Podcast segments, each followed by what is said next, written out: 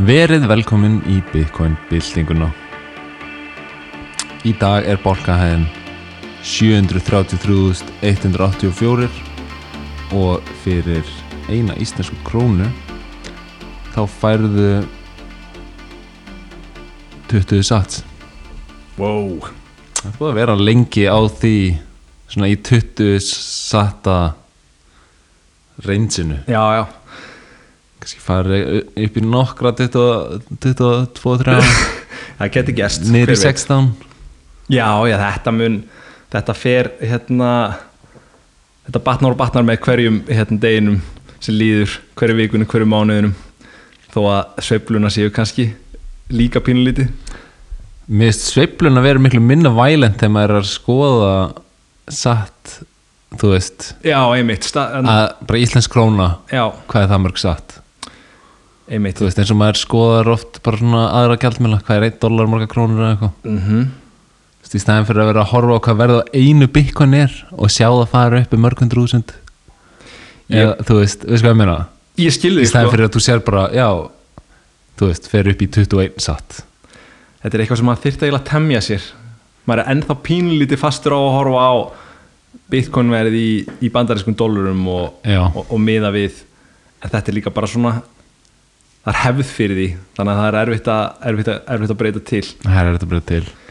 En við maður gera að gaman að vera með þess að svona hérna upplýsingagjöf í byrjun þáttarins bara svo að fólk geti aftur í tíma kannski farið og, og sé hvernig hlutin er að breytast. Já, við erum búin að vera hérna við erum, við erum kannski ekki alveg með vikulega þætti núna upp á síkasti við erum að koma eftir smá látiðu en það þýðir ekki að við séum ekki búlis á bitcoin. Við erum bara búin að vera uppteknir. Já, búin að vera mikið í gangi. Já, mikið í gangi. Smá flensa. En, en þetta er allt þetta er allt upp við og núna ætlum við að byrja að með reglulega þætti og, og eins með reglulegt spjall á Telegram. Já, einmitt. í hverju viku á mánundu dagskvöldum um, nú er mánuð jazz að hætta þannig að Bitcoin byltingin spjallið á Telegram tekur við. Mánudjas, er það hérna þú ert, þú, þú ert svona miðbæjar gauður sko, ég veit ekkert hvað er í gangi. Hvað er það? Já, ég var bara kynnti fyrir þessu nýlega en þetta er bara svona, menn- hitta á jazzast og það er bara því lík stemning. Smak, svakafjör, ok, cool. Það er að hætta núna allavega í bylli þannig tekur við spjall á Telegram hjá Bitcoin byltingunni. Þannig að vonandi, vonandi sjáu ykkur sem flest þar Já, við ætlum bara að hafa þetta á casual og þú veist, fólk kemur og kemur með spurningar og við erum kannski að spjalla um, erum með e- eitthvað til að spjalla um og svo bara fer þetta út í þú veist, Já. bara almennt spjall með cash. við erum búin að gera þetta nokkur sinnum bæði gegnum Telegram og Twitter og gengi bara vel þannig að það voru gaman að byrja þetta aftur Klálega. En það er nóg búið að gerast síðan við tókum upp síðast. heldur betur Um, hvað er á að byrja? sko þegar, að- hérna Gunnlaugur Jónsson kom hérna fyrir ég man ekki eins og hvernig þetta var þetta var, fyrir, þetta var rétt þegar að stríðið í Úkrænu var að byrja Já, það var nýbyrja. Það hefur verið í mars. já og nú, já, tíminn er hérna tíminn er hérna það er 23. april í dag En þá- Þátturinn kom út 9. mars. já og já, hvað hva getum að byrjað? Um, Bitcoin ráðstefnun já, einmitt. Hún var í byllandi gangi það þannig var í byrjun april var það ekki? Jú, það voru þrýr eða fjóri dagar af bara stút fullir af fyrirlesturum Mhm. og hópsamtölum upp á sviði. Já. Það var freka næs. Mm en svo var, svo vor, var maður pínlítið að býða eftir hérna hinum á þessum tilkynningum. Einmitt.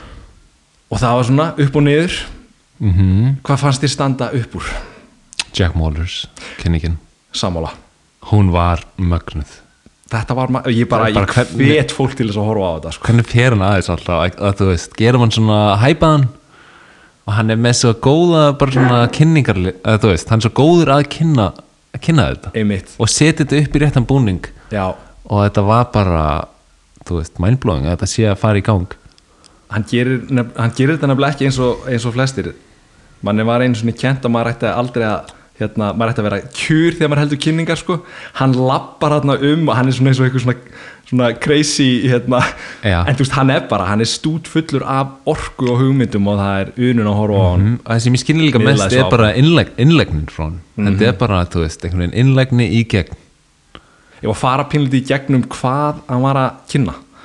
Já, sko það sem hann, það sem hann er alltaf búin að vera að tala um er að skipta þessu, þú veist, þú ert að horfa á Bitcoin já, að skipta þessu upp í tvent þú ert með eignina annars vegar þess að Bitcoin eign mm þar sem að, þú veist einn besta eign bara í heiminum skilur og, og allt það. En, en síðan ertu með Bitcoin sem greiðslu uh, kerfið já. hins vegar. Bara greiðslu miðluna kerfi í raun og veru. Og, og það er svo mikilvægt að skipta þessu tönnu upp af því að þú veist að Bitcoin er bæði bylting í sem sagt, þessari eign sem hún er en líka bylting í greiðslumiðlun og hún er það án þess að fólk haldi á eigninni. Þannig að mér finnst þetta svolítið magnaskilur að, að hann er að kynna þessa nýju byltingu sem er í fyrsta skipti bylting í greiðslumiðlun síðan að Visa og Mastercard eða bara síðan að kreditkortin komið 1949 einmitt. Þá er þetta í fyrsta sinn sem hefur orðið einhver, einhver bylting í þessu og hann talar um það mitt við höfum séð Apple Pay og Paypal og við höfum séð öll þessi nýju viðmið sem hafa komið og, og svona gert okkur lífið öðuldra en, gr en grundvallar kerfin sem þau eru að stiða sig við eru ennþá vísað á Mastercard Einmitt. og það var alltaf gaman hann tók mjög góðan tíma í að útskýra sögu greiðslukortakerfa frá einmitt 1949 til dagsins í dag -hmm. og burt sér frá Paypal og, og, og öðrum svona uh, nýjungum sem hafa komið inn í svona greiðslumiðlunar umhverfið þá hafa í raun og veru ekki miklar svona uppbætur verið á greiðslukortakerfinu sem slíku. Nei, einmitt. Þetta eru raun og veru kerfi sem að byggir á hérna sömu, hvað maður að segja sömu ferlum bara frá upphafi. Og það er gaman að sjá hvernig hann lýsir því, þú kemur þarna inn með kortið inn á bensinstöð uh, svæpar það og svo fara bara svona upplýsingar frá einum banka til annars og á banka vestlunar aðeins og tilbaka og gefa síðan hérna uh, accepted þú veist transfer. Já. og þá er þetta allt komið og þú getur hérna fengið bensinnitt en hann var að lýsa bara hvernig þetta væri ó, þetta væri bara eh, ekki bóðlegt í nútíma tækni samfélagi. Að þarna eru sko fæslunum svo lengi að vera staðfestar af öðrum eða þriði aðila segi ég. Já, og bara kostnaði samt einmitt. Bæði fyrir neytandan og, og, hérna, og þá sem er að taka við greiðslunni. Og hann talar alltaf um 3% fís nú er ég ekki alveg kláraði er í alvörinu 3% fís af greiðslukorti og millufæslum Já, mér, ég held að það sé bara nokkuð fast sko. Þannig að þú ert að þú ert með hérna, en, sé ég það ekki, þú veist, er, er það bara innifalli í vöruverðinu? Þú sem viðskiptöðunur sér aldrei hennar kostna þetta er eitthvað sem að hinn almenni neytandi verður aldrei varfið þetta að fer bara inn í verðið á vörunu Já, þú ert, að, þú ert hérna að reyka búð og selur vöru fyrir þúsund krónur Mm. og ég hérna réttir þúsund krónunar eða sem sagt í gegnum greiðslukort. Mhm. Ég sem neytandi verð aldrei varfið og þetta kemur ekki fram á, á hérna kvittunum hjá mér að það sé 30% fæslugjald þú, þú rekur sagt posan og þú sérðum að taka á móti viðskiptunum þannig að þú greiðir til greiðslu korta fyrirtækisins þessi 3% wow. og þarna ert að skera af sko 3% af marginu uh, sem að situr eftir hagnaði, hagnaður sem að situr eftir og mörg fyrirtæki í dag eru bara að vinna á gríðarlega þröngri marginu þannig að þú ert kannski að selja McDonalds hambúrgara á 10 dólara og hráefni kostaði 9,5 dólara mm. skilur, án þess að vera með þær tölur á réttu, en þessi 50 cent sem að sitja eftir í hagnaði McDonalds græðir á því að þeir eru með náttúrulega bara endalaust af uh, McDonalds búðum út um allan heim. En fyrir lítið fyrirtæki þá er þetta orðið mjög mjög svona erfiður kostnaður ofta tíðum Já, sko. og bara, það er fáránlegt. Bara líta yfir hópa fólki og hugsa bara allt sem að þetta fólk kaupir at all times er bara 3% 3% þetta er svaka business hjá Visa sko. þetta er líka bara svaka upphæð. Allt sem allir kaupa með, með greiðslikortum sem er bara flest það er bara 3% að vera straujað af. Einmitt. Og það sem er svo magna núna eins og með, með þessi kynningu er að neytandinn þarf ekkert að skilja neitt um Bitcoin eða þurfa að eiga Bitcoin. Og núna hafa 70 miljón notendur af Kassapp aðgang að nýrri greiðslulust sem er að veita um 0% fís einmitt. Og þeir halda á dollarum í sínum aðgangi á Kassapp og fyrirtæki það fær dollara en eina sem breytist er að það er nota lightning við að, að setla greiðsluna í staðin fyrir að, að nota þessi hefbundu greiðslikerfi og þannig núna þegar neytandi stendur fyrir frá hann pósan þá, fær, þá getur hann ákveðið ætla ég að borga með Visa eða Mastercard og greiða 3% eða ætla ég að nota stræk þetta er sama, þetta er sama þú veist þetta er jafnmjög klikk í símanum mínum. Já, nema það, bara svo í stoppi þetta er ekki neytandinn sem að hugsa á ég að borga með vísa og þar með 3% honum, þetta skiptir honum einhver máli. Það er vestlunar aðilinn sem að hefur hagsinn af því að fá viðskiptavinnin að borga með þeim miðli þar sem hann borgar ekki þessi fí Já, þannig það er eiginlega á verslunar, verslunar eigandanum að, að setja kannski afslátt Já, þess vegna, ég, ég sá það nákvæmlega svona og ég, það var eitthvað að tala um þetta eftir, eftir þennan hérna, þessu tölu hjá, hjá honum hérna Jack Mollers að, uh, að öllum líkindum myndu vestlunareigundur um, þarf smá tíma og reynslu til þess að sjá hvort að þetta gangi upp og virki 100% eins og fyrirtækin þurfa á að halda vegna þess að við þurfum að vera reynskilin með það, þú veist, Visa og Mastercard, það virkar. -hmm. þú veist, þetta, bara, þetta virkar og þetta er búið að vera til í marga áratví en þú ert að borga 3% Mm. en núna ertu komið laust sem að er með 0% eða það er allavega gríðarlega lítið fí sem á borgar Mhm. og þetta eru eigin smá fyrirtæki sem eru þarna komin inn í þetta kerfi. Þú veist það voru McDonalds var þarna var það ekki?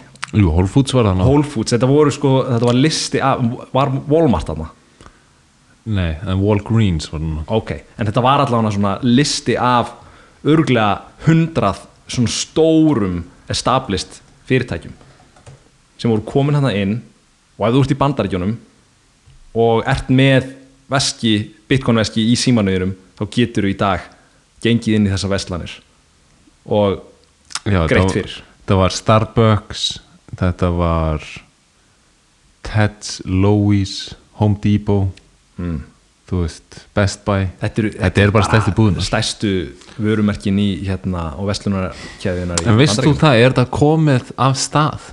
Er þetta komið í loftið eða, eða mér skildist á hann að þetta færi loftið strax. Já, mér skildist það líka. En ég hef ekki ennþá síðan vera að nota þetta. Nei, hann tók allavega hana Nei, það er, það er áhugavert reyndar sko, maður hefur ekki séð það, að því hann tók hérna hann fór, þú veist, það var eitt af hérna, eitt, partur af kynningun hann fór hérna inn í einhverja vestlun og borgaði með þessara lausn og síndi bara basically Já, þetta var hvað mjög þetta var rosalega smooth.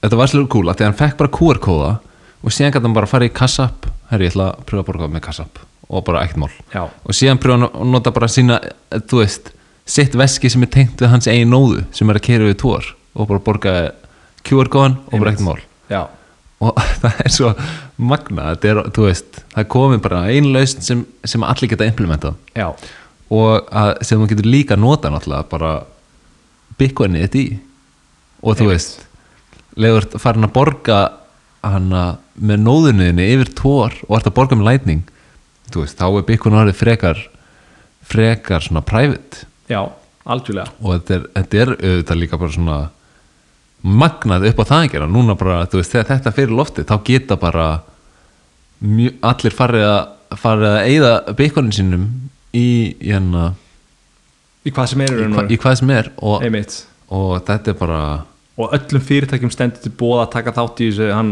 gaf upp einhvern link þar sem að var að þú veist, skrá sig. Þannig Já. að þetta stendur núna fyrirtækjum til búa og ég held að það hafi minnst á það að þetta skiptir pínullu máli að því að kannski er einhver að hugsa með sér já en þú veist, verður þetta ekki bara vesen fyrir öll þessi fyrirtæki að vera þú veist, allt í hennu komið einhverja rafmyndir til þess að vera og er þetta ekki allt eitthvað svo flókið? En fyrirtækin ráða hvort að þau taka á móti bitcoininu sjálfu eða láta skipta instantly yfir í hvaða gjaldmiðl sem er. Mm hvaða gjaldmiðl sem er. Einmitt. Þannig að McDonalds getur tekið á móti greiðslu frá mér í bitcoini en ákveðið að taka frekar bandarinska dólara og þá gerir sér þetta eittur og bingo. Einmitt. Sem er erfitt að lýsa í svona útvarfsformi podcastformi en það er þetta bara horfið á kynninguna hjá Jack Moles. Klárlega, þetta er bara með betur kynningunum og ég na, fylgdi með að bara svona von og bara svona maður verður bara svo spenntur við að hlusta á það já, það er svo að, þú veist það er alltaf svo gaman uh, á honum og þú veist, hann vildi virkilega delivera fyrir, fyrir þetta conference. Einmitt. Og hann gerði það. Þetta var magnað. Hvernig fannst þér hérna adoption fréttinar uh, sem að komu frá Miami? Það voru þarna tilkynningar frá þremur ríkjum. Já, og það vo- það voru hérna Samson Má sem að var hjá Blockstream. Einmitt uh, sem að búa til hérna gerfinnött sem að býður upp á uh, hvað er það? Er það annarkvort internetsamband eða hérna er að, er að nóða í gegnum já, hérna, þú veist, þú getur tengst bitcoin í gegnum hana gerunhöttin þeirra. Ok, og þú getur fengið þér svona lítinn gerunhætt disk já, sem þú getur notað til að tengjast nóðinni en þú færð ekki internetsamband með því Nei, nei. en þú færð bara en nærða að tengjast bitcoin netinu og getur downloada öllum ledgerinum já, og getur síðan hana sendt eða fengið sendt millifæslur einmitt.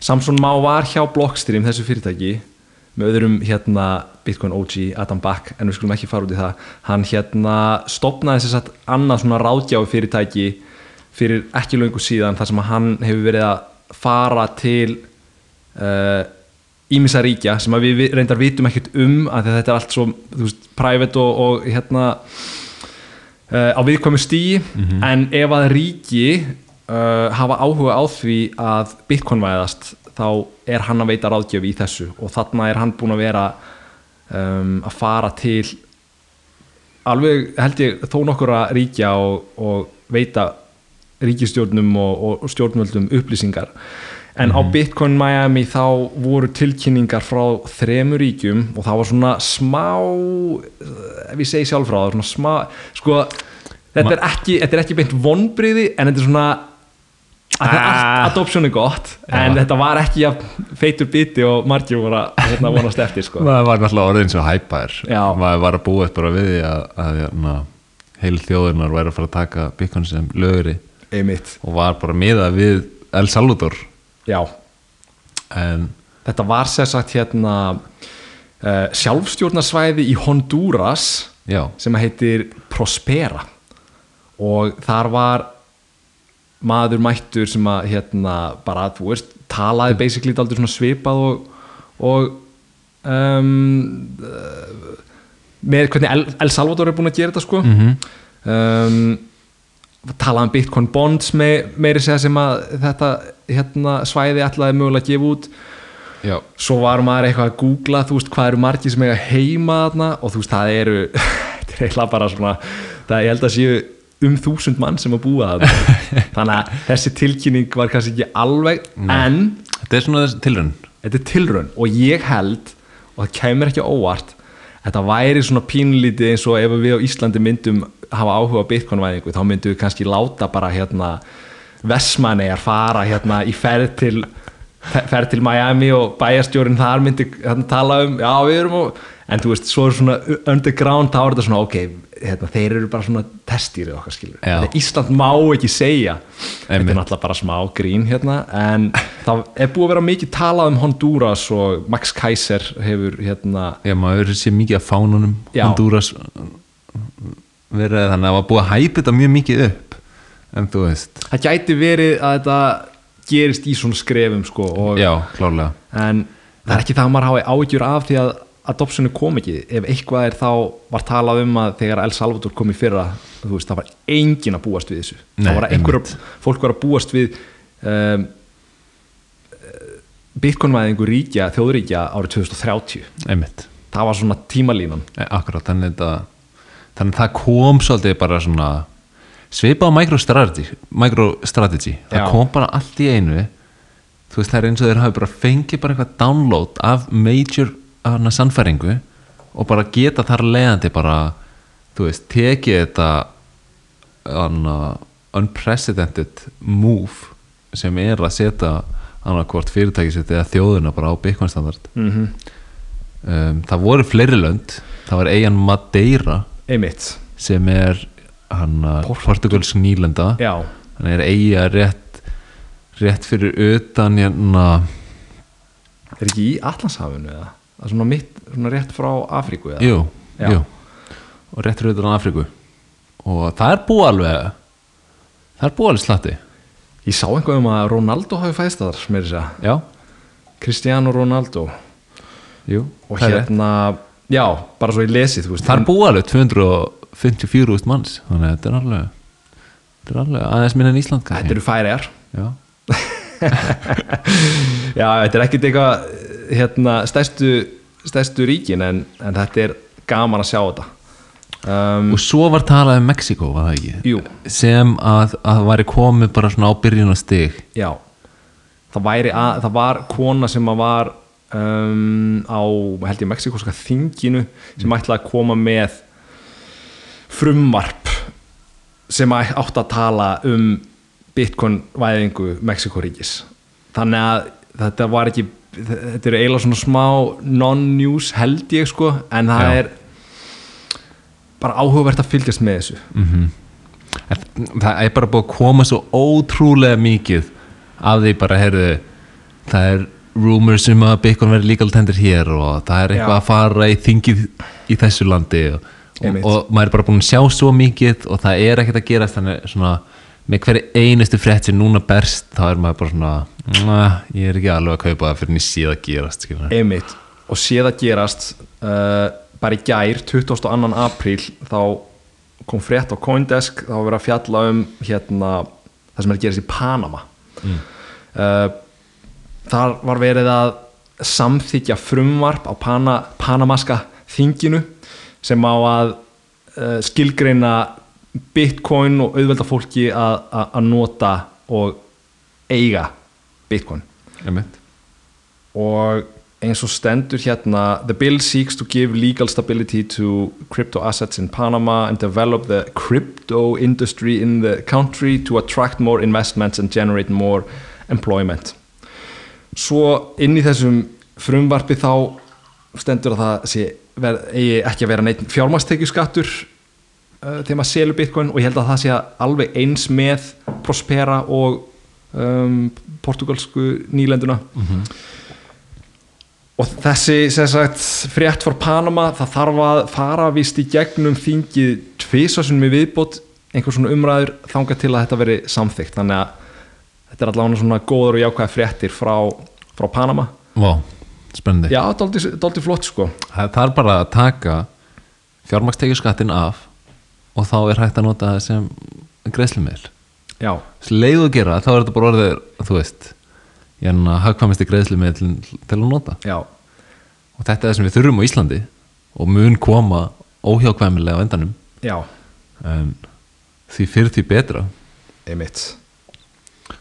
Þannig að þú veist, Bitcoin mun ekki vera að nota þessum greiðslumiðl fyrr en að það er búið að taka fjármakstekjuskattin af. Mm ég segi þetta en samt hugsa ég eins og þessi kynning hjá Jack Mallers þú veist, hún er að fara hún er að fara að gera það að verkum að fleiri geta bara að borga með lightning yfir tór svona frekar privately og ef þeir, ef þeir fara rétt að með CoinJoins og fleira bara mjög privately og þannig að þú veist þannig að verður orðið erfitt að, að þú veist, rukka inn þennan fjármakstekjuskatt já, og það verður kannski svo erfitt að þeir bara svona neyðast til þess bara að gera að löguri af því allir eru hvort þeir eru að gera hann er að nota þessum sem gjald, gjaldmiðl skilur þannig að þú veist hvort það komi svona þannig inn. Af því að allir eru hvort þið er farnir að nota það. Og það er lítið sem ekki þetta gerir í því þetta er óhjákvæmulegt en hvernig þetta áttur að gerast ég á erfitt með að spá fyrir um það. Við þyrftum að fá hérna einhvern sérfræðing greiðslumilum, kannski Ásker Jónsson komi hinga hann hérna talar nei það var ekki hann, það var hérna ég held að þetta hafi komið frá neytenda stofu, þeir eru með áhyggjur um að greiðslumilunarkerfi sem að Íslandikar eru að nota séu óstabíl já, og því þurfum við að koma með einhvers konar svona ríkis hérna greiðslumilunarkerfi sem að ég held að reyndar á Sælabanki Íslands hefur verið að tala um en þetta er bara, þú veist, við erum að tala um bara þetta er CBD BC eða hvernig sem að er CBDC. hérna, CBDCs og uh, umræða held ég sko. Já algjörlega. Þeir vilja taka reyðufjö af markaði mm og vera með þetta allt skráð. Þannig að þú getur ekki að hvort að þú kaupir er snikka hérna eða ekki. Nei, og ef þú ert kannski orðin eitthvað ekki góðu formi þá, þá geta það bara stoppaði frá að köpa snickers. Já, það er it's, that's the future. Já. Eat the bugs. Herru, það er alls konar meira adoption í gangi sem að, þú veist, ég með þetta það er Já. til dæmis í Þískalandi það eru tveir bankar sem að hérna hafa verið núna í fréttunum. Mm. Tveir stóri bankar. Og það er sem sagt Commerzbank sem er alveg svona nafn sem maður hefur heyrt þó maður sé ekki endilega ykkur, í, í bankabransanum. En þeir eru basically nýbúinir að sækja um leifi til þess að verða custodian fyrir bitcoin eignir. Og custodian er basically þriði aðili sem að heldur á uh, eignónuðinum þannig að banki er custodian fyrir íslensku krónaðinar myndkaup er custodian ef þú geymir bitcoinið þar og Coinbase og svo framvegis. Og við náttúrulega tölum alveg svona gegn því að fólk sé að geyma allavega stóran hluta af sínum eignum hjá þriði aðila heldur að geyma bitcoinið sitt sjálft. En þetta eru samt hérna stóra fréttir myndi ég segja og það eru stórir bankar að fara að bjóða upp á innlán í raun og veru fyrir bitcoin. Þetta er ekki framtíðin en þetta er svona stepping stone inn í, inn í framtíðina. Og já, wow og, bara svona, þú veist mér, finnst það ekki ekki, ég, þú veist, þetta er leiðin fyrir bankana að fara að bjóða upp á bitcoin, af því að eins og ég sé þetta, þá eru núna stælabankar að setja sig í stöð að vera í beinni samkefni við banka. Og, og þú veist þetta er leið fyrir bankana að, halda sér lífi á, veist, af auðvitað ætti er að fara að banka með, með hérna bitcoin.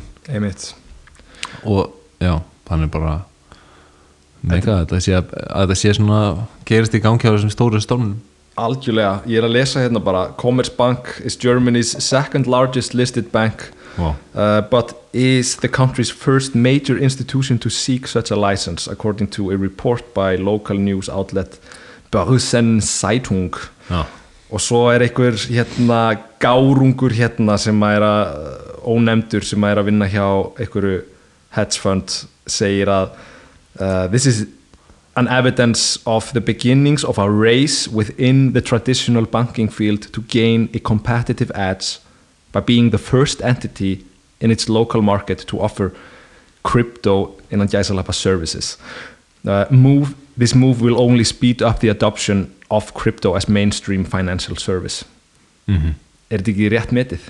jú, þetta er hérna leikjafræðin er að koma í gang og klárlega. ég held að þetta byrjar með litlu sko ríkjónum sem að eru dálítið svona hröð að eh, koma breytingum á og sem eru dálítið með puttan á púlsunum hvernig hlutin er í gangi og svo ertu með fyrirtæki sem að stærðin skiptir ekki beint máli en það eru stjórnendur sem að þurfa að hafa framtíða sín og þarna eru við með Commerzbank, við erum með Tesla, við erum með MicroStrategy. Mm við getum bara séða í stjórnendunum hverjir er að fara að stjórna framþróun og svona uh, institutional væðingu bitcoin Akkurat. akkurat svo er annar þýsku banki Volv, Volksbank. Það var á Twitter sem ég sá í vikunni. Já, það var, þetta er hérna líka stór banki í Þýskalandi en þetta er meira svona já, non-news slúður. Það var sérsagt einhver stjórnarmaður í um, einhver svona regional hérna uh, armi þessa banka sem var í podcasti hjá einhverjum bitcoiner og í podcastinu þá liftir hann upp bitcoin nóðunni sinni Já, til þess að sína fram á að hann sé þú veist, bara bitcoin maximalisti. Maður. Og þetta er bara áhugavert að sjá. Þannig að þú ert með, þetta er ekki bara Ég elska gott nóðuflex já, þetta eru, þetta eru hérna oft fallegir kassar sko, Já, sem að gera náttúrulega þetta er, og nóðunar þær halda upp í öllum færslum bitcoin kerfisins og er bara eitthvað sem allir ættu að se- setja, setja upp. Já þú ert í raun og veru ekki orðin notandi að bitcoin-kjörnum fyrir þú ert að keira þín eigin nóðu. Ég er ekki að gera mín eigin nóður. Ah, shit. Ég, ég þarf að fara að drífa mig í þessu. Já, það eru margir það eru margir núna í grúpunni sem við erum með hérna, Lightning Network Iceland. Já, farnir að kaupa nóður og setja þeir upp og svona er að hjálpast að að velja svona hvað er besta nóða fyrir fyrir þá og, hérna, og hvernig er best að setja þau upp og hérna, við erum svona að hjálpast það já, settum upp eldring kallast Ring of Fire. Einmitt. Og hérna, erum bara núna í síðustu skrifunum við að, að setja hann upp. Um, og þá getið þið verið að senda ykkar á milli. Já, sko, eldringur virkar þannig að, að þegar þú ert að byrja, þegar þú ert byrjað með lightningnóðu og þú ert að byrja að opna channels já, við aðra aðila. Ok. Að þá lendur í því að öll channelin eru með alla satsana þín megin. Og þannig að þú ert bara með sagt satsa þín megin í channelinu að þá er svo erfitt að, að ráta því. Þú þarft að vera með frekar svona jaft á milli svo getur verið að ráta millifæslur ok, af því að að þú veist, þú verður að geta ef einhver á að geta sendt í gegnum þig hérna sem sagt úr, úr þín megin þá verður þú að geta þú veist hleyft af hinum megin Ok. ah, það er mjög erfitt að útskýra þetta nei, þetta er þú, ég held að þú skilur þetta alveg skilur, en ég bara þar stundum, ég þarf að heyra þetta svona allavega hana Aðeins hægar. já, og, og ég myndi að halda líka hlustendur og, ég líka ef ég væri bara að reyna að hlusta á þetta það er svo erfitt nefnilega að læra þetta með því að hlusta bara og það er maður að pröfa að gera. En allavega þú lendir í því vandamáli að þú ert bara með channel sem eru lótið upp þín megin og ekki hinn megin og þú vilt hafa það frekar jaft já, þannig að það sem við gerum er að við komum okkur kannski fimm saman eins og við gerðum hérna í íslenska eldringnum. -hmm. og ég opna channel í einn og hann opnar channel í næsta og hann opnar channel í næsta og næsta sem opnar síðan channel í mig. -hmm. og þegar við erum allir komin búin að opna þetta channel þá setjum við fees á hana routing fees fyrir að ráti gegnum channel okkar. Niður 0 einn okkar sendir millifærslu á sig í gegnum ringin já, og fyrir sem sagt ef við myndum að opna channel fyrir miljón satt Já. þá getur hann sendt fyrir 500.000 satt þú veist, þá myndi hann senda fyrir 500.000 satt sendir það í gegn tilbaka á sig fyrir 0 fees já, af því allir settu fees nýri 0 og þannig enda allir með channel sem eru með 500.000 einu megin og 500.000 hinu megin. Ok, ok. Þetta hljómar mjög tæknilegt og ég efast ekki um þetta er aldrei snild en þetta svona, ef ég segi bara eins og Áskir Jónsson þetta hljómar eins og píramindasvind en ég ætla bara að segja að hérna, ef þú ert að vinna hjá Sælabanka Íslands eða Íslenskum viðskiptabanka og vilt fá ráðgjöf í framtíð greiðslumilunar sendu e-mail á bitcoinbuildingin at protonmail.com og við getum komið og hvað er hérna ráðgjáfa fíð okkar? Vá, við þurfum að við þurfum að ákvaða það. Það verður sett í satt það verður satt já ok, og ég er hérna en þetta var mjög gaman og ég er hérna og er ekkert svo mikið mála að setja svona hring upp sko. Og, og ég hérna er á allra færi að setja upp nóðu. Það er, veist, það er smá tæknilegt en það er á allra, allra færi. Og ég hérna mæli bara með því og koma inn í grúpuna spjalla við okkur um þetta og ég hérna það er alltaf gerast. Sko eins og þetta var held ég ég er 90s kid sko en eins og maður eins og ég held að þetta hafi verið in, in the 80s áður en það voru tölvur og svona þá voru allir nördanir heima hjá sér að gera flugvélamódel ég veit að frændi minn var að setja saman svona flugvélamódel og svona og maður kom og hann var ótt að segja manni frá og maður var svona já, já, já, já, já, mér líður svona pínlítið þess að þú sért hérna svona þrið, þriðja áratugs hérna 21. aldar hérna, nördapart sem að mun síðan koma upp og þú munt stjórna heiminum hérna, eftir, ég er bara The áhuga að stjórna nerds minni will og, survive sko. En en já, það er margt annað. Þessar nóður ég myndi ekki hérna líta á þetta sem einhver leið til að hérna, græða pening. Þú gætir gert ef þú ert mjög duglegur og góður í þessu og hérna, heldur áfram í- til ákomin ára. En, en þetta er meira bara svona gaman að, að læra inn á kerfið og setja upp þína einn nóðu sem þú getur síðan nota til að greiða fyrir hluti, ég meina ef þú fer til Starbucks í bandarækjunum þá getur þú nota bara nóðuna heima hjá þér og í að, í að, að, að sjá um greiðsluna og í gegnum app með, sím, með símanin Einmitt. og þetta er samt líka praktíst að því að þó svo að flesti myndu ekki hafa áhyggjur af þessu ef þú ert að keira þína eigin nóðu þú ert með veski í gegnum nóðuna þína þá staðfestir þú sjálfur að færslan hafi gengið í gegn Einmitt. ef þú ert ekki tengdur þinn nótu þá ertu þannig séð að treysta á að sá aðili sem að heldur upp í nóðunni sem að þú ert að tengjast sé að gefa þér réttar upplýsingar mm -hmm. eitthvað sem að ég held að fólk ætti ekki að hafa ágjur af en þetta er svona að ég fæ oft uh, spurningur um sko frá fólki sem er að byrja í bitcoin með að kaupa bitcoin og maður kannski bendir á hérna einhverja, þú veist uh, hefðbundna lausn í að kaupa bitcoin. Og svo er maður spurður sko, já ok, er ég þá bara ekki komið með þetta? Og þá byrjar maður að segja, já nei það, ég myndi alveg halda á bitcoininu sjálfur sko, "Bíddu, af hverju? Já bara, þú veist, þú, þú ver, hvað myndi gerast ef að þriði aðalinn myndi, þú veist, þetta úr business? Bara, bara, er það bara bitcoin myndi bara, bara hverfa og þá þarf maður alltaf, nei, þú veist, þetta er mjög líklega ekki að fara að gerast en þetta er bara svona heimspekin og hugmyndafræðin í bitcoin heimunum að þú tekur ábyrð á því sem að þú átt. Þannig að þú heldur á þínum eigin bitcoinum, heldur á þínum eigin liklum og já, svona fyrir ofan það ertu með að vera með þína eigin nóðu. Klálega og það eru alveg bitcoinur eins og þú segir og ég er að hlusta sjálf með tala. Ég er ekki eins og með mín eigin nótu n- nóðu segi ég, en, en það er eitthvað sem að mun, mun að öllum líkindum breytast já, ég vona það annars hætti ég að tala við þig nei, nei, nei, nei en hann ég vona það sem dinnilega, þetta er mjög gaman og, og þú veist, það eru hellinga af uppum sem fylgja, sem hún getur lært á og notað og þetta er mjög skemmtileg reynsla ég er búin að ráti yfir 90 greiðslur í þessu mánuði Vá, og þannig hún er bara að verða.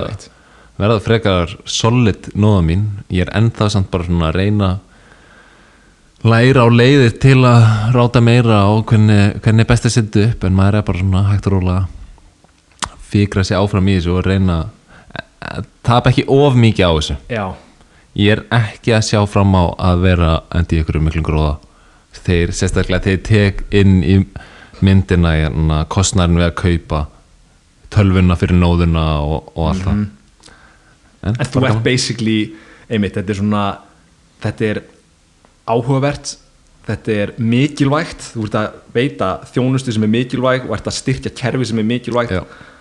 og þú veist, mað, maður þarf ekki að græða á öllu peningalega einmitt. sumt er bara kemur frá öðrum stað Já og þetta er, þetta er smá þann þetta er svona little bit af öllu skilur Já. maður getur grætt aðeins ég fæ þarna mína eigin nóðu þar sem ég þarf ekki lengur að treysta veski annara og get veist, staðfest mína bitcoin eign með minni nóðu. Og það er alveg sérstök tilfinning að, gera þetta sko. maður fær alveg bara svona wow, ég er uncontrollable núna bara einhvern veginn.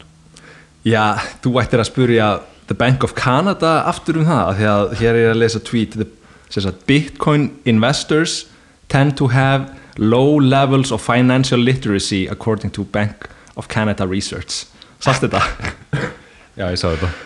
Um, þetta er bara svona, hvað, hvað getur maður sagt? Þetta er það er bara uh, gríðarlega skrítið að hlusta á fólk frá seðlaböngum og svona þessum legacy fjármálakerfum heimsins sem eru ekki ennþá búin að stíga skrefið átt á bitcoin eins og Commerzbank er að gera uh, tjá sig og Já. þeir eru að velta sér upp úr algjöru rugli Mhm. auðvitað eru hérna þú veist Bitcoin, Bitcoin hodlers bara tökum bara krypto að þeir eru að tala um þetta líka skil en þeir segja reyndar Bitcoin investors en bara ef þú tekur bara samansafna fólki þú ert með fólk á öllum skala skilur Mhm. þú veist það er bara midwit mýmið Einmitt. þú ert með Bitcoin fólk sem að er beggja vegna við borðið. Algjörlega. og en ekki í miðjunni.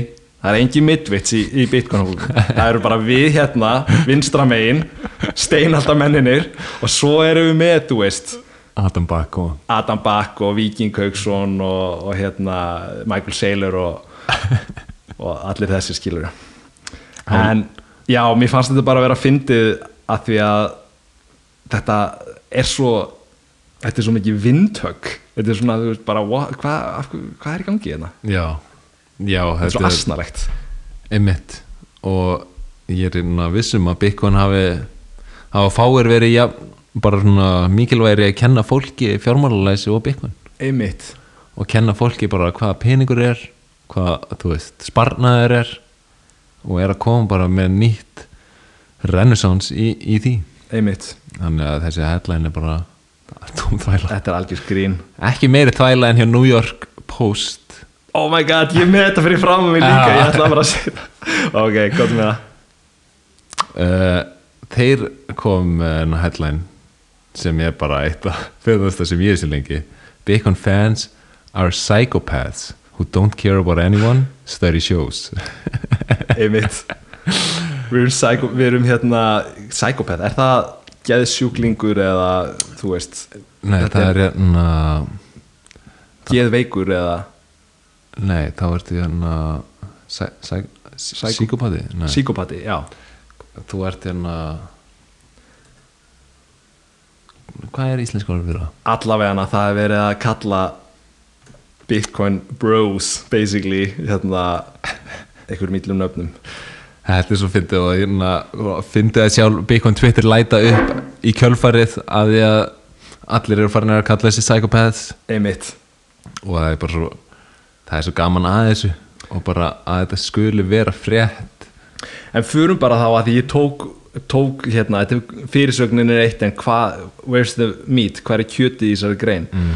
og hérna kemur sér satt um, um þetta mál uh, sér satt uh, researchers with background predominantly in marketing and advertising from the Queensland University of Technology surveyed 566 people on their attitudes towards crypto and correlated the results with four specific personality traits. Narcissism, psychopathy, Machiavellianism and sadism.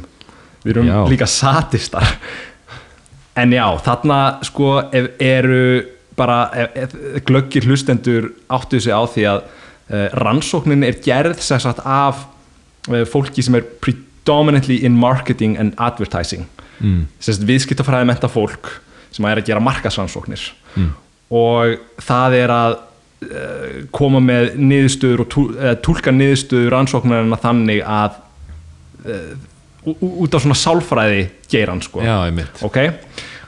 Kjölfarið af þessari rannsók sem kemur út og þessum fréttum þá kemur hérna professor Martin Selbom from the University of Otago's Psychology Department. Þetta er allt Kanada búa sko. Já. an international expert on personality disorders and personality assessment criticized the result of the study as essentially meaningless the effects they report, for example, the strength of relationship between these so-called dark tetrad traits sem eru þess að þessi narcissism og það and attitudes and intention to buy cryptocurrency are very weak.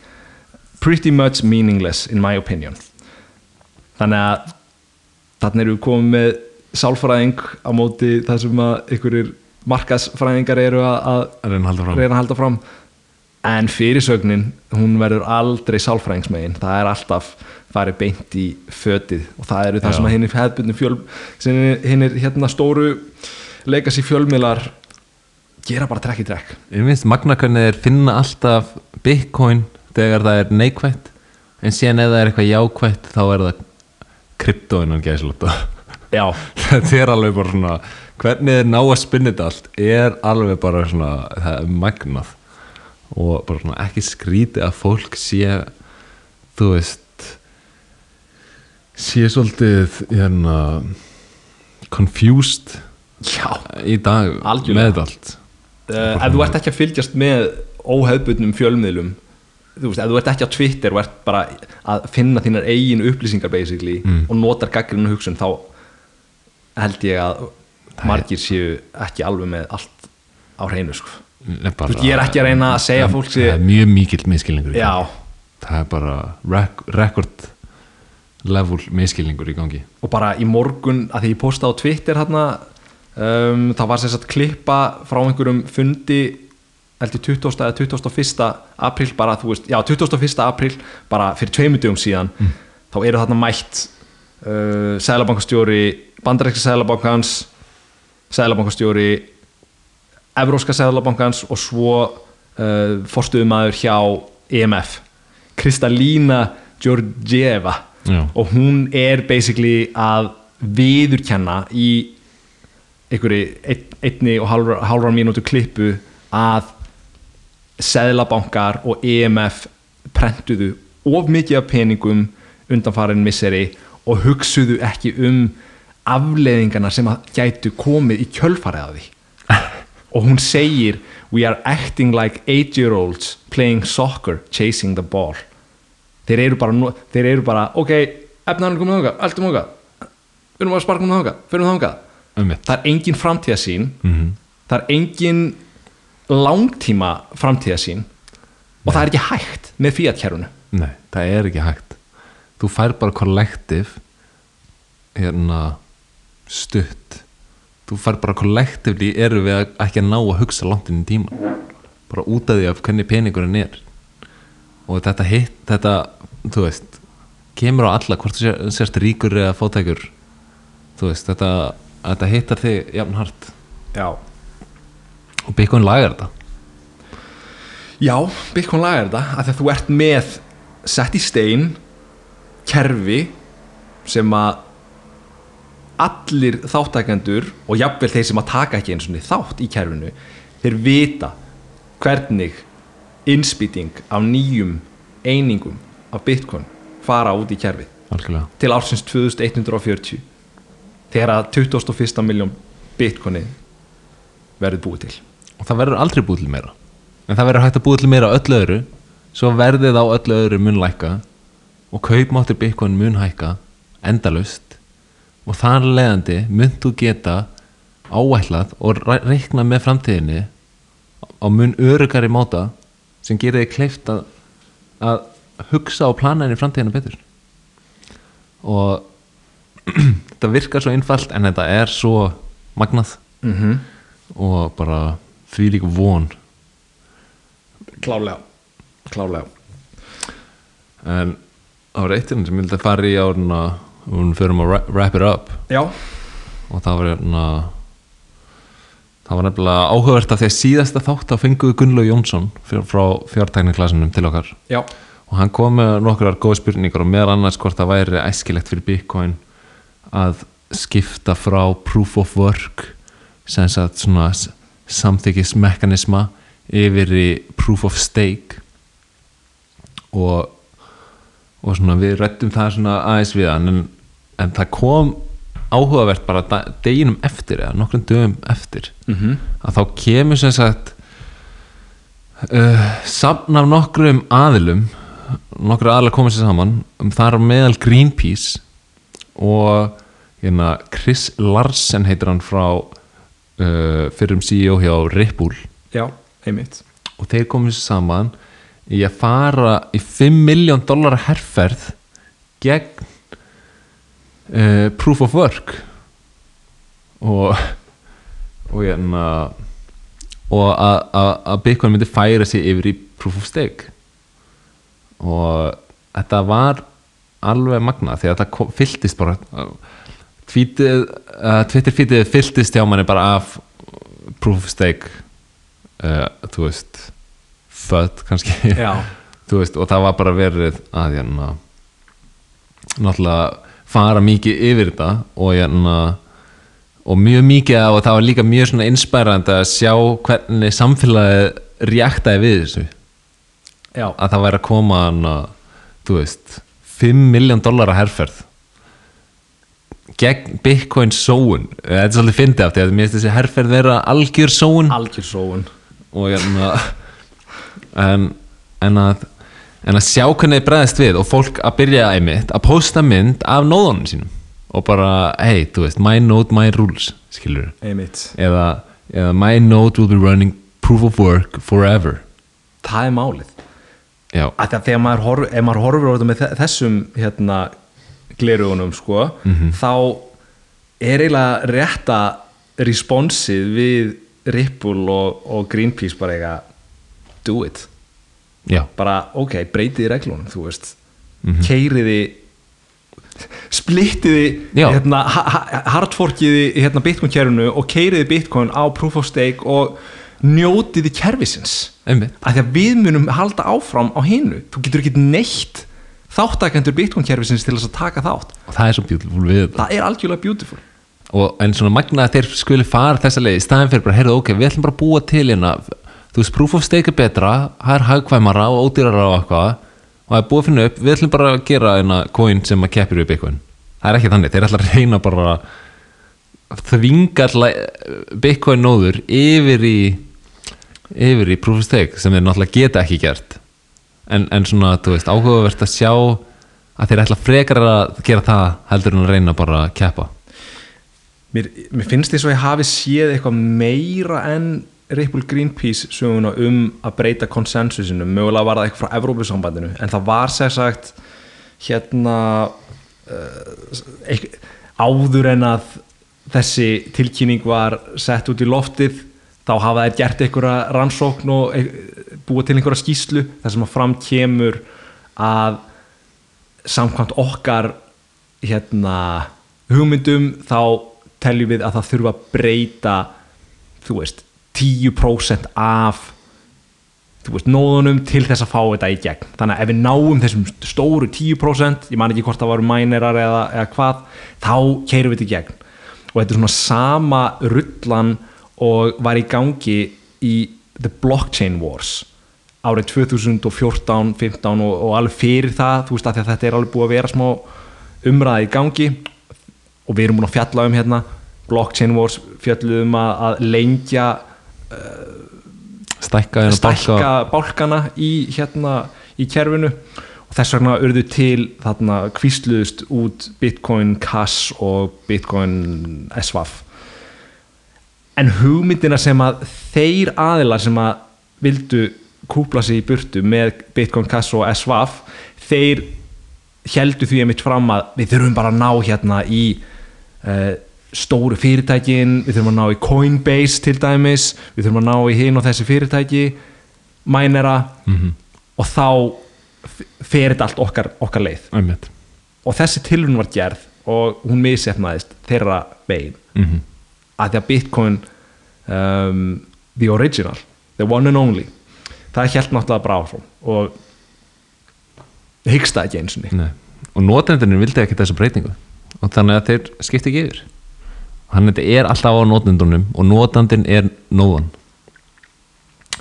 og líka bara svo áhugavert að sjá eða þú veist, ekki áhugavert en bara að reyna að hamra aftur á bara hvað proof of work er mikil snildar uppgötun að þú veist, við erum með nóðuna sem er þessi sameinlegi ledger af öllum millifæslanum og til þess að bæta nýju millifæslum í hennar ledger þá þarf þú að giska á töluna og það hafa allir jaft tækifæri til að giska á töluna. Það geta allir giska á hana. Þannig að þetta er, þetta er í grunninn bara þú veist að hugsa þetta svona bara þetta er svo einfaldur og sangjarn leikur. Að það, sá sem fær bitcoin er sá sem náða að giska á töluna. Og það hafa allir jafn tækifæri til þess. Sem verðlaun fyrir að finna nýjan bálka. Já. já, þannig en í staðin fyrir þá er proof of stake að segja að þeir sem að eiga tókenin að, að, að þessari blockchain keði eða hvað er mm þeir eru þá þeir sem að bæta hérna nýjum færslum í keðjuna. Einmitt. Og það er bara svona strax þá sérðu strax bara að það er ekki ómiðstýrt.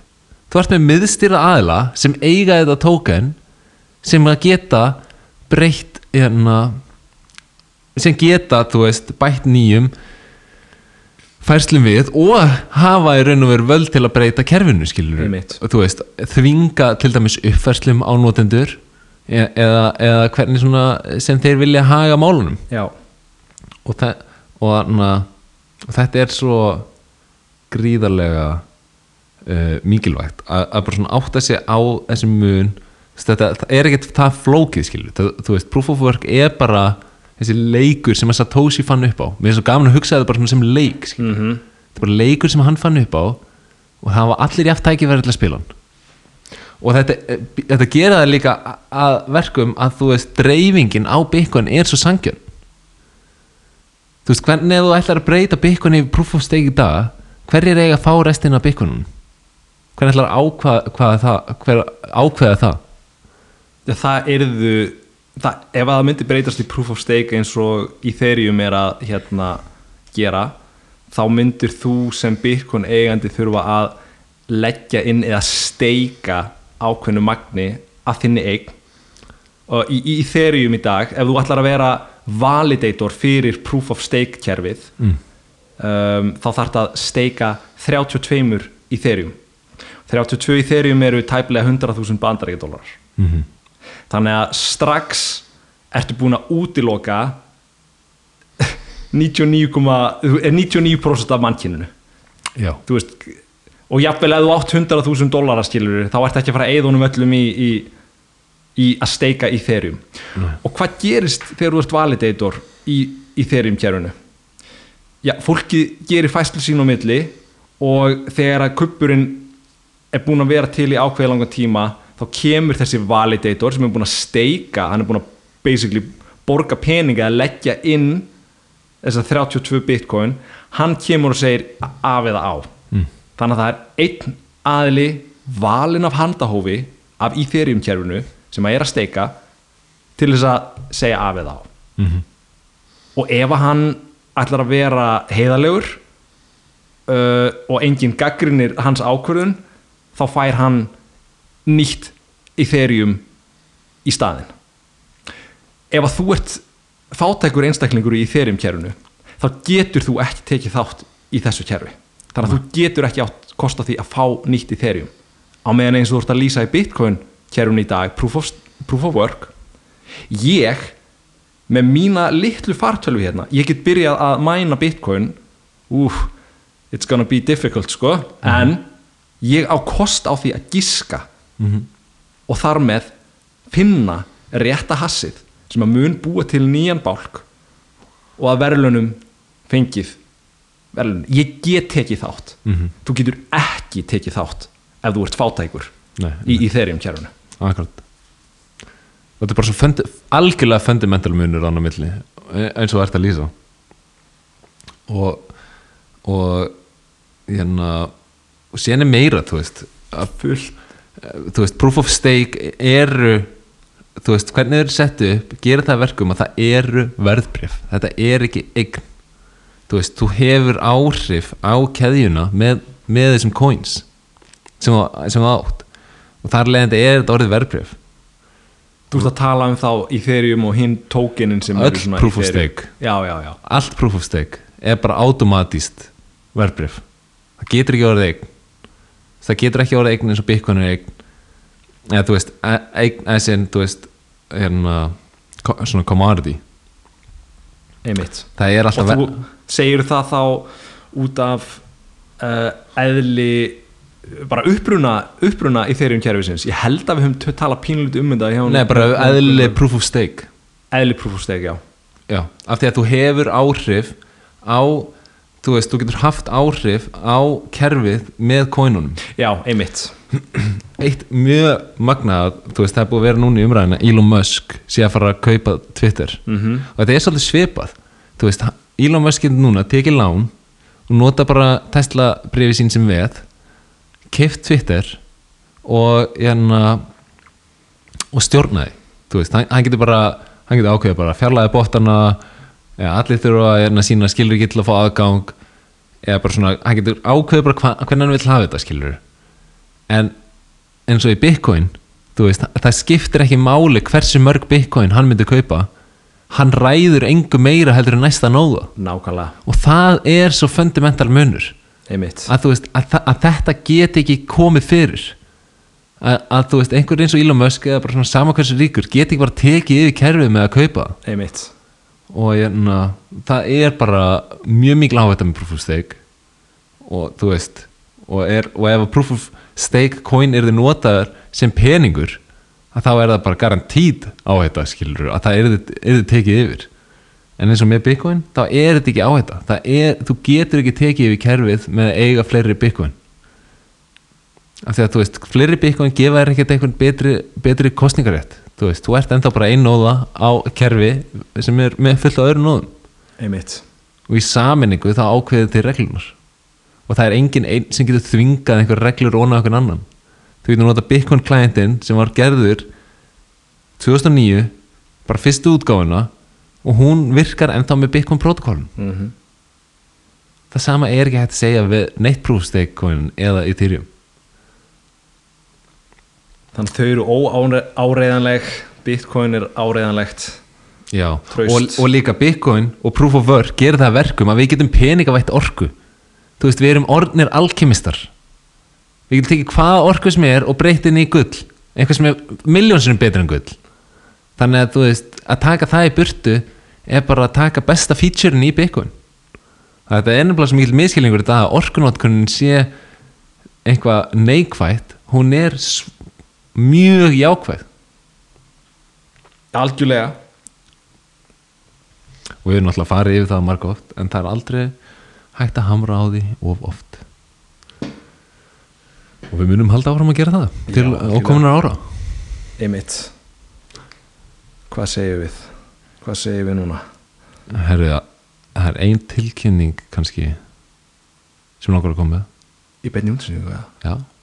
Já, það ekki að segja mér ok, nei, hvað er það á þriðdæn munum við byrja aftur með austuríska hagfræðikurs. Og við höfum gert þetta núna einu sinni undarfarna mánuði og þar sem við höfum farið í gegnum allt námsefnið sem að Seyfedin Amus höfundur og Bitcoin Standard er með á sailor.org og þetta er bara en að þetta er kurs í grundvallar lögmálum austurískara hagfræði og það sem við bara förum og síðan hittust við einu sinni viku á þriðdagskvöldum og ræðum yfir kaplan juicy. Já, ég er, ég er að cancelera ferðinni til tenni sumarið er komið. Austuríska hagfræðin er hér. Þetta er algjör snild. Já, þetta er mjög góður kurs og bara allir sem við, allir við sem fórum í gegnum þetta núna undanfarnar mánuði bara læriðum svo mikið. Þetta er alveg bara það er magna hvað hann, nær, hvað hann setur þetta upp í einfalt form. Já. en þótt þetta sé svona einfalt þá er þetta eitthvað sem allir ættu að kynna sér. Já, og hvort sem þú ert búinn að gangi í gegnum heila þótt í hagfræði háskólanum eða hvort þú sér hefur aldrei stúdur á hagfræði æfiðinni Já. þá er þetta fyrir þig þetta bara fer yfir þessa, þessi grundvallar atri í austuríska hagfræði yfir human action pening hvaða og, og, og svona hvaða hvaða hvaða hagkerfi okkar samanstendur af og hvernig er best að rýna í það briljant þetta er þetta eru ekki ný fræði en þetta eru fræði framtíðarinn að samt sko. klárlega og vel mælt. Kom alveg bara á staðnum sko. já, já, kallið minn, herðu eru við bara ekki góði núna? Góðu Jú. klukkutími liðin og gott að koma aftur. Klárlega. Og við bara verðum þá á mánudaginn. Verðum mándaginn á Telegram. Er það ekki? Jú, Klukkan, 8 briljant Þá bara segjum við gleðilegt sumar, kæri hlustendur Takk fyrir áheyrnina. Áfram Bitcoin. Yeah